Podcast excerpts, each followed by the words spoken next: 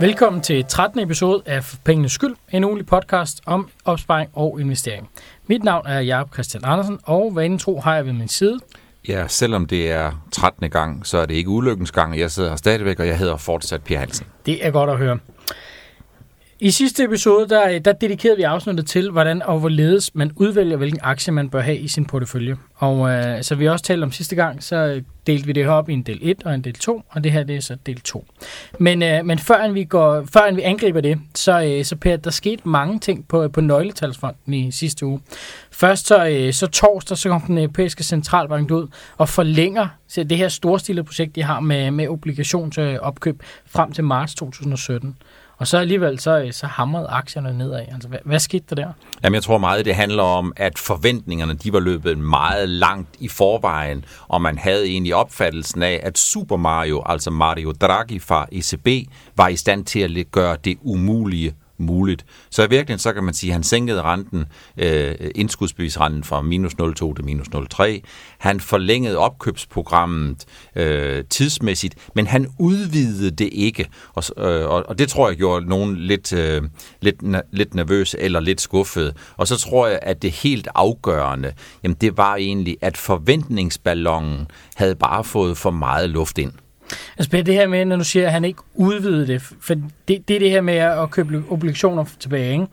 Hvad, det, det, det kendes også ved quantitative easing, og, og kan du ikke fortælle lidt mere om, hvad, hvad er det egentlig, der går ud på, og hvorfor er det, man har det her fra en, en centralbank? Jamen i praksis, så går det ud på at sørge for, at de langsigtede renteforventninger de bliver så lave som overhovedet muligt. For det er jo de langsigtede renteforventninger, som danner basis for de investeringer, du skal lave. Kan du sikre, kan du være sikker på, at du får en, lang, en, en, en meget lav langsigtet finansiering, altså en meget lav pris på, din, på de penge, som du skal låne. Samtidig, ja, så må man sige, at så var der også nogle andre øh, ting, som Draghi han fortsat øh, kigger efter. Det er jo at holde euroen meget svag, for hvis man holder euroen svag, så stimulerer det væksten samtidig med, at øh, det også medvirker til at importere noget mere af den inflation, som jo i høj grad er en mangelvare, fordi ECB jo har været nervøse for, at man kom for tæt på 0,0, og inflation er altså rigtig, rigtig vigtig for at undgå øh, et, et nyt Japan. Men for lige at opsummere igen. Jeg tror, at investorerne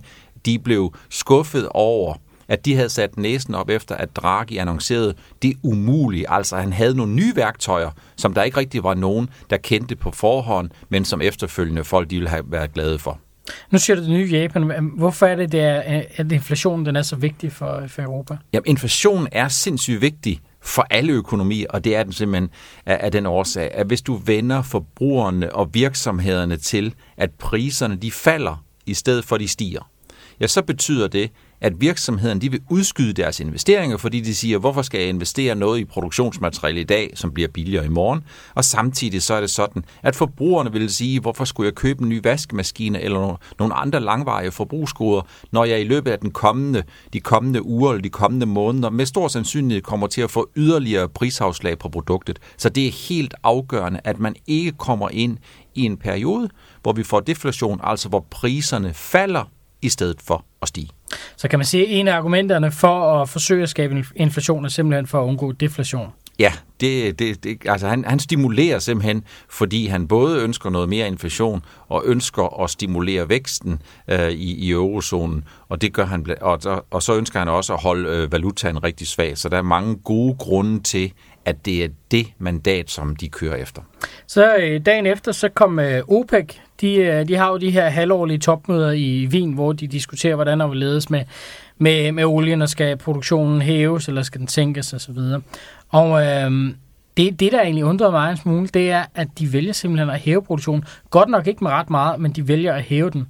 Alt andet lige, så må man sige, at hvis man hæver produktionen, så kommer der mere på markedet, eller lavere oliepris. Per, hvorfor, hvorfor vælger de at hæve olieprisen? Ja. Eller på, undskyld, produktionen på et tidspunkt som nu? Jeg tror, det kan siges meget kort. Det eneste OPEC-landene var enige om, det var og er, at de er uenige om strategien.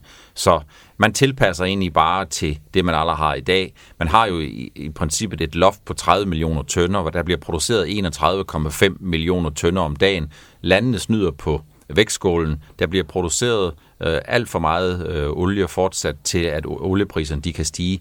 Og Der er alle mulige gode grunde til, at OPEC de skulle være mere enige end det, de har haft. Men vi fik også endnu en gang sandsynligvis et vidnesbyrd om, at det er Saudi-Arabien på den ene side, og en række andre af de her OPEC-lande på den anden side. Så jeg tror, at det vi fik øh, møde, det her halvårlige møde, det bundet ud i, at vi også i hvert fald de kommende to, tre, fire måneder kommer til at se meget lave oliepriser. Ja, det er spændende. Jeg så en rapport fra øh, Goldman Sachs, der viser, at de mente, at olieprisen kunne falde 50 procent i den kommende stykke tid. Det er det gamle, det er det gamle 20-dollar-scenarie, som Goldman Sachs har pusset lidt af igen. Og så må vi se, nu har der været valg i Venezuela også. Det bliver spændende, hvad det fører for markedet. Så efterfølgende, så, øh, så kom der en jobrapport i USA, og den var jo egentlig sådan på linje med forventningerne. Det skal dog sige, at forventningerne var positive. Men øh, så gik aktierne jo med, med et den anden vej, for fra at have været banket ned, så øh, bankede de op igen. Det viser vel en to ting. Den ene det er, at investorerne er relativt kortsigtede i deres opfattelse af, hvor markedet de skal hen. De investerer meget kortsigtet. Og den anden, det er, det viser, at når, øh, når nu vi kommer hen til næste Fed-møde, ja, så hæver ah, den amerikanske centralbank Fed for første gang siden 2006, så hæver de renten med 0,25. Men jeg mener fortsat, ligesom vi har diskuteret og snakket om et, et par tidligere udsendelser, jeg mener fortsat ikke, at investorerne skal for alt for ondt i maven over det at, at hæve øh, renterne med 0,25. Udgangspunktet er meget lavt, og det er meget taknemmeligt. Så gode nøgletal i øh, USA og godt med, med i forhold til arbejdsløsheden. Øh, man vælger også på baggrund af det forventeligt at hæve renten en smule. Det modsatte scenarie i Europa. Per, kan man sige, at, at, at det kører godt i øh, USA og dårligt i Europa, eller er det at sætte det for meget på spidsen? Jeg tror, man skal sige, at det kører okay i USA, og det kører bedre, end dengang det kørte ringest i Europa. Jeg tror faktisk, der er en, en række ting, der peger i retning af, at det kører bedre i Europa. Men hovedsagen, ja, det er nok de der stimulanstiltag, man har lavet, som har løftet dollaren. Det er nok noget af det, sammen med, at når man har været i en tristesse i rigtig mange år, så begynder tingene at gå bedre, som alt i alt er på vej til at signalere bedre tider, også i Europa. Per, en, en anden ting, der, øh, der ikke er gået hovedet forbi, eller er gået nogen forbi, tror jeg, man siger, det er jo, det er jo Genmap. Genmap, det er, det er en af de aktier, jeg må erkende, jeg ikke selv har haft i min portefølje. Har du haft den i din portefølje? Det har jeg desværre ikke, og det burde jeg have haft. Ja, når man kigger på en graf, så burde man jo have haft det. Hvad, hvad sker der, Per? Har, har det, kan, hvor, hvor ender det her henne? Det er svært at vide, men man kan sige, at det, som driver Genmap-aktien, ja, det er det, de fortsatte gode nyheder, som bliver ved med at komme som en lindstrøm. Og det kunne man, der kan man sige, der deler Genmap, de deler ikke skæbne, for det lyder sådan lidt noget negativt, men de deler de samme positive ting, som gør sig gældende for en lang række andre selskaber, hvor et fortsat et, et, et fort, en fortsat meget positiv nyhedsstrøm, altså at de nyheder, der kommer næsten enslydende er positive. Ja, vi kan lige indskyde, at de forsker for eksempel i medicin imod kræft. Ja, og, og, og det, som, det, som driver den der aktie, jamen det er ikke prisfastsættelsen. Det er ikke så meget, om den her den er dyr, eller den her den er billig. Det, der driver prisfastsættelsen i Genmap, jamen det er jo, øh, at når de her nyheder, der kommer, de faktuelt bliver ved med at være positive, ja, så drives aktiekursen opad på samme måde, som det gør i en lang række andre selskaber, Fingerprint Cards i Sverige eller andre, øh, bliver drevet opad til et niveau, hvor investorerne skal passe på, at de ikke fokuserer for meget på prisen. Det jeg siger, det er ikke, at man skal købe udelukkende ind i de selskaber, der stiger meget. Det jeg bare siger, det er, spillereglerne tilsiger, at for de selskaber, som er i positiv fremdrift, som har meget enslydende positivt nyhedsflow, altså hvor nyhedsstrømmen, de nyheder, der kommer, de er positivt lavet omkring nogle forskellige gode ting, ja, der kigger den gennemsnitlige investor ikke særlig meget på prisen, men kigger på nydestrøm. Det skal investorerne også gøre, hvis det er sådan, at det er sådan nogle selskaber, de er interesseret i. Man gør ikke klogt i at begynde at kigge alt for meget på, om prisfastsættelsen den er høj eller lav. For en prisfastsættelse er høj, den kan sagtens blive meget høj. Per, det fører, det fører mig hen til et af de spørgsmål, vi har fået fra, øh, fra en lytter. Ulla Gormsen, hun, øh, hun stillede nogle spørgsmål i sidste uge, og hun har også et, et par spørgsmål, som vi tager op i denne episode. Og et af dem, hun spørger, det er simpelthen, men, hvor, øh, hvor, hun spørger først og fremmest, hvornår man skal sælge en aktie. Men jeg, jeg kan vente om at sige, hvornår skal man købe et givet selskab, altså købe en given aktie? Ja, man skal i, i princippet passe på, at man ikke fokuserer for meget på prisen. Øh, det er jo noget, som jeg har slået til lyd for et par gange, og noget, som jeg selvfølgelig også får nogle kommentarer med. De fleste øh, harske og, og, og nogle enkelte. Du, så måske du, du siger det her 90-10 forhold. Jamen, jeg, man skal fokusere rigtig, rigtig meget på øh, at købe den rigtige aktie, i stedet for at fokusere for meget på at købe på den rigtige pris. Fordi det er jo sådan, at øh, den aktie, du køber ind i, det skal gerne være en ejerandel af et firma, sådan i bedste Warren Buffett-stil. Så på den måde, der skal man sige, at hvis du køber en aktie, jamen så er det, den gennemsnit, eller den almindelige investor, de vil jo have den her ejerandel over en længere periode, og det er egentlig det, du skal fokusere på. Men jeg vil gerne tage et eksempel med, øh, som vi har kigget en lille smule på, som måske kan danne udgangspunkt for, hvornår man egentlig øh, potentielt skal købe en aktie, man sidder og kigger på, og hvornår man kortsigtet måske skal sælge en aktie. Og casen her, den er altså Rockwool.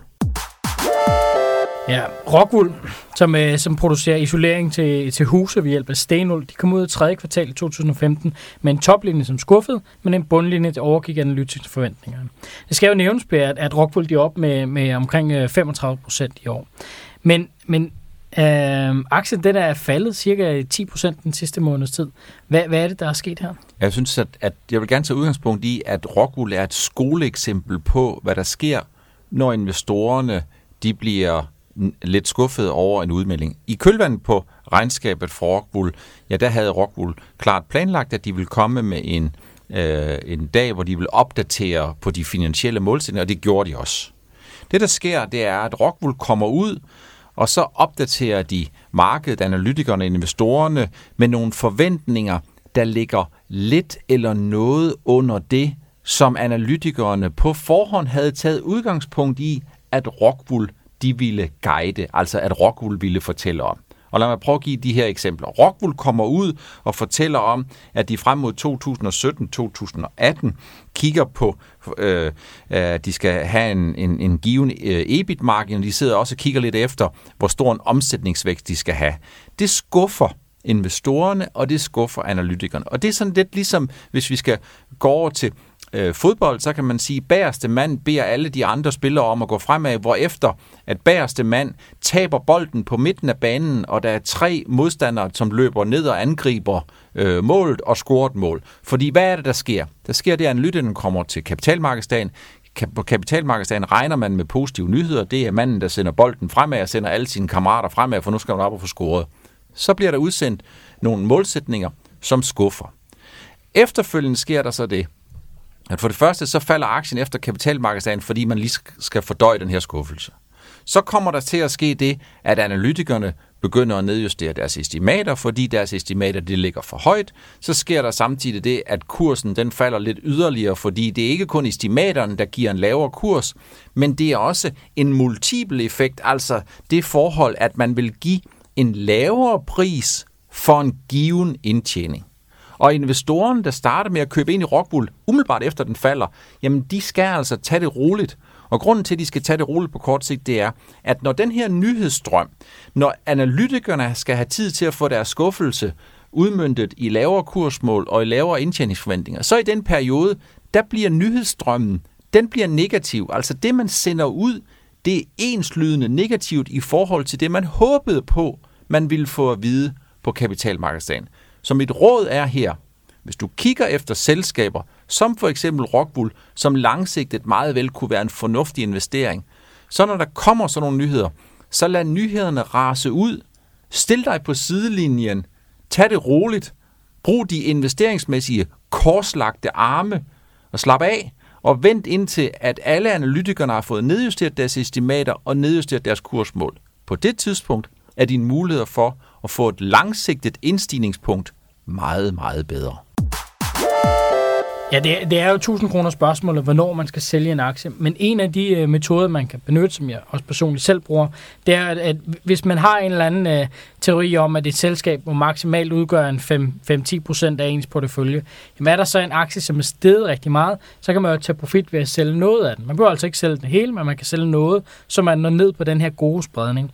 Og Per, det, øh, det fører mig hen til det et af de spørgsmål, der også er kommet. Ikke? Fordi det kan ikke understreges, hvor vigtig god spredning er men hvad er god spredning med dine øjne? Jeg tror, det du mener, det kan ikke understreges nok, at, at uh, god spredning den er, den er vigtig. Afgørende, ja. Ja.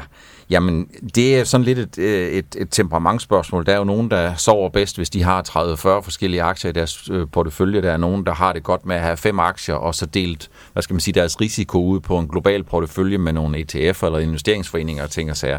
Og jeg vil sige, at øh, rigtig god spredning, den får man, der, der er det vigtigt, at man spreder sin risiko på en, en, en 10, 12, 15 selskaber.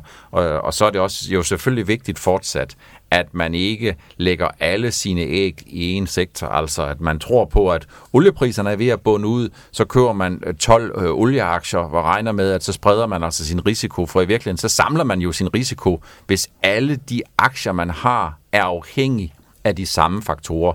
Så det der er afgørende, når man spreder sin risiko, jamen det er jo, at de faktorer, der bestemmer selskabernes fremtid, ikke er de samme faktorer, der påvirker alle selskaberne. Men hvis jeg skulle sådan skulle lave som tommelfingerregel, jamen så vil jeg sige, at 10 selskaber, øh, sådan spredt lidt på forskellige sektorer, øh, og så må der ikke være alt for mange små selskaber. Små selskaber, som godt kunne være aktieraketter, men som måske også har en væsentlig større risiko end i det gennemsnitlige og generelle tilfælde. Martin på Nordnet-bloggen, han har skrevet følgende. Bør man hovedsageligt investere i store selskaber eller mindre selskaber? Og hvad er fordele og ulemperne med henholdsvis de små og de store? Ja, man kan sige, at øh, de små selskaber, det er jo selskaber, som måske har et større potentiale, men det er også selskaber, som er mindre analyseret, og hvor man kan sige, at øh, nyhedens interesse meget ofte kan være den her forjættende kurstrigger, som alle de sidder og kigger efter. Men hvis jeg må prøve at give et øh, sådan lidt nogle guidelines på, hvad den almindelige investor skal overveje, så kan man sige, hvis du har 1000 kroner, som du investerer i aktier, du har købt 10 aktier. Så som udgangspunkt, hvis du har 10% i hver af de her aktier, så har du investeret 100 kroner i hver af aktierne. Så skal du faktisk som udgangspunkt nogenlunde dedikere 10% af din investeringstid til hvert selskab. Hvis du har for mange selskaber, som er små, hvis du har for mange selskaber med et fantastisk stort turnaround og restruktureringspotentiale, men som fortsat er udfordret, så er der en stor risiko for, at du bruger 60-70% af din investeringstid på et eller to selskaber, som er lidt i udf- som er udfordret og som lidt i problemer, og det dækker så for, at du går glip af en lang række øh, positive udviklinger på de selskaber, som egentlig bare kører rigtig, rigtig godt. Så man skal passe på, at man ikke samler på hovedbrud, man skal passe på, at man ikke samler øh, på udfordringer og problemer, som man selv ser som muligheder, fordi tendensen og historien den siger, at selskaber, som har problemer, de forbliver i problemer langt længere end din tålmodighed den rækker, og selskaber, som kører godt, de bliver ved med at køre godt, langt længere end din fantasi egentlig kan regne ud. Men, men Per, man kan vel egentlig også sige, at, at det afhænger af ens risikoappetit, fordi mindre selskaber, jamen der er mulighederne større, større selskaber er mulighederne mindre, men risikoen er også tilsvarende mindre. Kan man ikke sige det samme? Det kan man faktisk. Det er en rigtig fin øh, konklusion på de der ting, at mulighederne og, eller, mulighederne og risiciene, jamen de følges jo egentlig rigtig meget ad, så det risikojusterede afkast skal være større, jo mindre selskabet egentlig er. Og når man tæller den her spredning af porteføljen, det kan føre os hen til, til det næste emne, det er jo det her med, med at US dollar, den er styrket kraftigt, og når jeg siger, den er styrket kraftigt, så er det i forhold til euro. Danske kroner følger euro, så det er også i forhold til danske kroner. Og, og, og Per, hvordan, hvordan skal man tænke øh, valutaen i, i det her? Og du må også gerne komme ind lidt på med dollar, når man skal tænke den ind. For nu er vi inde i starten af episoden, det med, at, at det går jo egentlig udmærket i USA, set i forhold til Europa.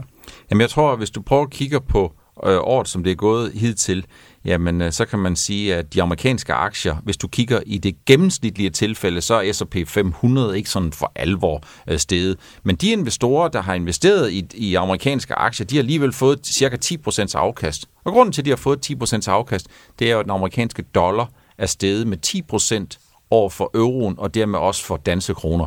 Samtidig er de tyske aktier steget lidt over 10%. Så på den måde, der kan man sige, jamen det afkast, du har fået i Europa på papiret, altså i DAX-indekset for eksempel, jamen det har du så fået i, i gennemsnit i, i aktiekurserne, hvorimod i USA, der har du fået dit aktieafkast i dollaren. Hvis det er sådan, at du har opfattelsen af, ligesom mig, at det var nok ikke ret meget mere end 3-4 kvartaler, måske frem mod næste sommer eller så, før vi ser pariteten mellem dollar og euro. Det vil sige, at en dollar koster det samme som en euro. Det vil sige, at en amerikansk dollar koster 7 kroner og 45. Skal du så købe mange amerikanske aktier?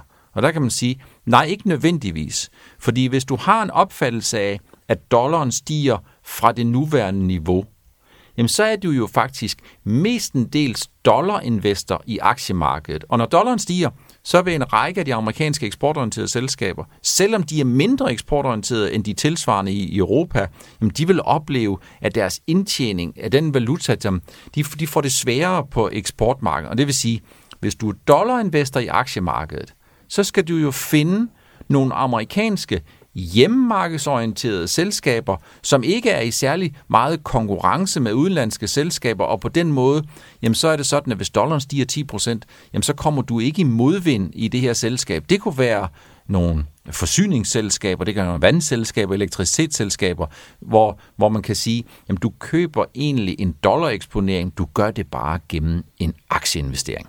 Når du vælger aktier til, til din portefølje, så siger man, det her det er et godt selskab med videre. Går, går du ind og kigger på, øh, hvil, hvilken valuta de handles i også, og så tager det med i betragtning, forstået på den måde, og så siger, jamen jeg vil gerne have et fransk selskab i min portefølje, og at jeg øh, har også en, en, en positiv tro på, at euroen den vil være stabil. Og nu ser vi se bort fra det her med EM2 og den følgende danske men du, du forstår, hvad jeg mener sådan i, i det brede hele. Ja, det gør jeg. Det tror jeg i hvert fald, jeg gør. Nej, det gør jeg ikke. Jeg tager ikke udgangspunkt i de der ting, og det er fordi, man kan ikke blæse og have mel i munden. Øh, så hvis du har en opfattelse af, at du vil bare være en almindelig investor i det amerikanske aktiemarked, for eksempel i S&P 500, fordi du tror på, at dollaren stiger, men så skal du ikke købe S&P 500 ud fra en, en dollarfilosofi, så skal du købe det ud fra, at den stigning, du skulle have i S&P 500, den får du igennem dollaren. Så ud fra den betragtning, så ja, hvis du er dollarinvestor, jamen, så skal du være investor i amerikanske selskaber, som hjemmemarkedsorienteret og som ikke udsættes for udenlandsk konkurrence, hvis øh, dollaren egentlig stiger, og hvis indtjening ikke er på virkelig af, at dollaren den egentlig ændrer sig. Man kan altså i det generelle tilfælde meget, meget sjældent få både i pose og i sæk, det vil sige både valuta og aktiekurs øh, stigning. Selvom det er jo meget besnærende, ting at sige jeg vil gerne prøve at komme med en anden analogi også. Hvis man øh, for eksempel øh, siger, jeg er positiv øh, på europæiske aktier, jeg har opdaget, at folkevogn er faldet meget tilbage, så hvis europæiske aktier de stiger, mm, så må det være ekstraordinært godt at købe folkevogn, for den er faldet med 30 procent. Det er en rigtig, rigtig almindelig antagelse. Den er bare helt forkert. Og det er fordi, at det, der sker med folkevogn, og grunden til, at folkevogn er faldet, det er specifikke ting, der gælder for folkevogn. Så hvis du får ret i, at europæiske aktier stiger, så kan det meget vel være, at du kommer til at sidde tilbage på bagsmækken af en folkevogn, som så har sine egne interne problemer, der gør, at aktien ikke følger den generelle udvikling. Så du skal huske at kigge på, hvad er en selskabsspecifik risiko, hvad er en risiko relateret til det enkelte selskab, og hvad for en risiko er relateret til aktiemarkedet. Per, vi er ved at nå uh, slutningen på, uh, på dagens episode, og uh, det har været herligt at snakke en lille halv time om aktier. Lad os snakke om noget, der heller ikke er helt skidt, nemlig kvinderne. Og uh, Per, en gang imellem, så ser jeg jo undersøgelser på, at kvinder er bedre investorer end mænd og så videre. Hvad, er, der, er der noget, mener du, der er noget hold i det at investere kvinder anderledes, end mænd gør? Ja, kvinderne investerer en lille smule anderledes, men på den anden side set, så investerer de faktisk noget af det, der ligner det, som mændene de putter deres penge i. Det vil jeg gerne prøve lige at, at give lidt farve på. For det første så er det sådan, at kvinderne som udgangspunkt har nogle rigtig, rigtig gode kvalifikationer til at få nogle gode afkast. Kvinderne, de handler mindre impulsivt, de handler mere velovervejet, de handler mindre simpelthen. De har færre transaktionsomkostninger, og så tænker de meget langsigtet. Og alle de her ting, de gør jo faktisk, at kvinder har nogle rigtig, rigtig gode forudsætninger for at blive rigtig succesfulde investorer. Og nogle kvinder er givetvis også det. Men det er også sådan, at når man kigger på alle de her ting, der hedder velovervejet og analyser og ting og sager, så betyder det også, at der hvor kvindeligheden kommer til at slå lidt igennem i investeringsverdenen, det er, at kvinderne nok i det gennemsnitlige tilfælde er mere forsigtige med hensyn til den risiko, de løber. Det betyder altså ikke, at kvinderne ikke også kender Novo Nordisk som enkeltaktie. Men det betyder, at kvinderne med fordel godt kunne lære lidt af mændene med hensyn til at lægge en lille smule risiko oven i deres porteføljer. Samtidig er det altså også sådan, at mændene de kunne lære en hel del af det, den måde, som kvinderne er på, ved at trække en lille smule risiko ud af deres porteføljer, og så ville, hvad skal man sige, de to, så vi kønnene, de vil nærme hinanden meget med hensyn til afkast. Jeg har igennem øh, min, øh, min tid i Norden afholdt utallige kurser for utallige mennesker. Og øh, det skal ikke være nogen hemmelighed, langt de fleste, der tror op til det her, det er, det er mænd. Og vi kan også se, når vi, når vi trækker noget statistik på, hvem vores kunder er, så er langt de fleste, det er mænd. Og en gang imellem, så, øh, så dukker der nogle kvinder op, og så, øh, så har jeg grebet røret, og så ringet til dem for at høre diverse ting og sager, man kunne forespørge på øh, investeringsøje med, eller invitere til kurser med videre. Noget af det første, jeg bliver, bliver mødt med, det er sådan et eller andet med, hov nej, lige et øjeblik, det er min mand, du skal snakke med. Per, øh, hvorfor tror du, det er sådan? Hvorfor er der ikke flere kvinder, der, øh, der interesserer sig for det her? Jeg synes, det er mærkeligt. Det er historisk betinget, tror jeg. Jeg tror, der er nogle overleveringer, nogle myter, der bliver ved med at holde ved. Og jeg tror selvfølgelig også, at det har noget at gøre med, at det simpelthen øh, handler om at få stimuleret interessen lidt. Det handler om, at man ligesom skal sige, det her, det er altså, det med pengene, det er altså vedkommende. Det er altså ikke bare nogle andre, der skal tage sig af det. Det handler om, at du som kvinde selv skal tage vare på din egen fremtid. Mændene, de er fuld, fuld af optimisme. Øh, de ved nøjagtigt, øh, hvor, hvor vigtige de her ting de er. Men mændene falder måske samtidig lidt over øh, sine egne ben med hensyn til, det, til vores egen, eller kan vi også lige skal sige, dig og mig, Jacob, vores egen overvurdering mm. af vores evne af, at vi kan både øh, gennemskue og overskue alle, alle mulige andre ting. Hvorimod kvinderne, altså frem i, frem i skoene, helt frem i størrelse 42. Jeg får lidt tro på dem selv. Ja, fordi mm. kvinderne har nogle fænomenale forudsætninger for at blive meget succesfulde også på investeringsmarkedet. Men det er jo selvfølgelig vigtigt, at man tager og griber chancen og udnytter de muligheder, som man er udstyret med. Og det her, det var jo enden og en opfordring til kvinder fra to mænd om at øh, gå lidt mere op i det her og sætte sig lidt mere ind i det og øh, interessere sig mere for at investere. For øh, tallene, de taler deres klare sprog i deres favorit. Per, det her det var alt. Har vi mere? Har du noget? En sidste indskydelse, inden vi lukker den af? Det har jeg faktisk ikke. Så vil jeg bare sige tusind tak, fordi I lyttede med. Vi høres ved.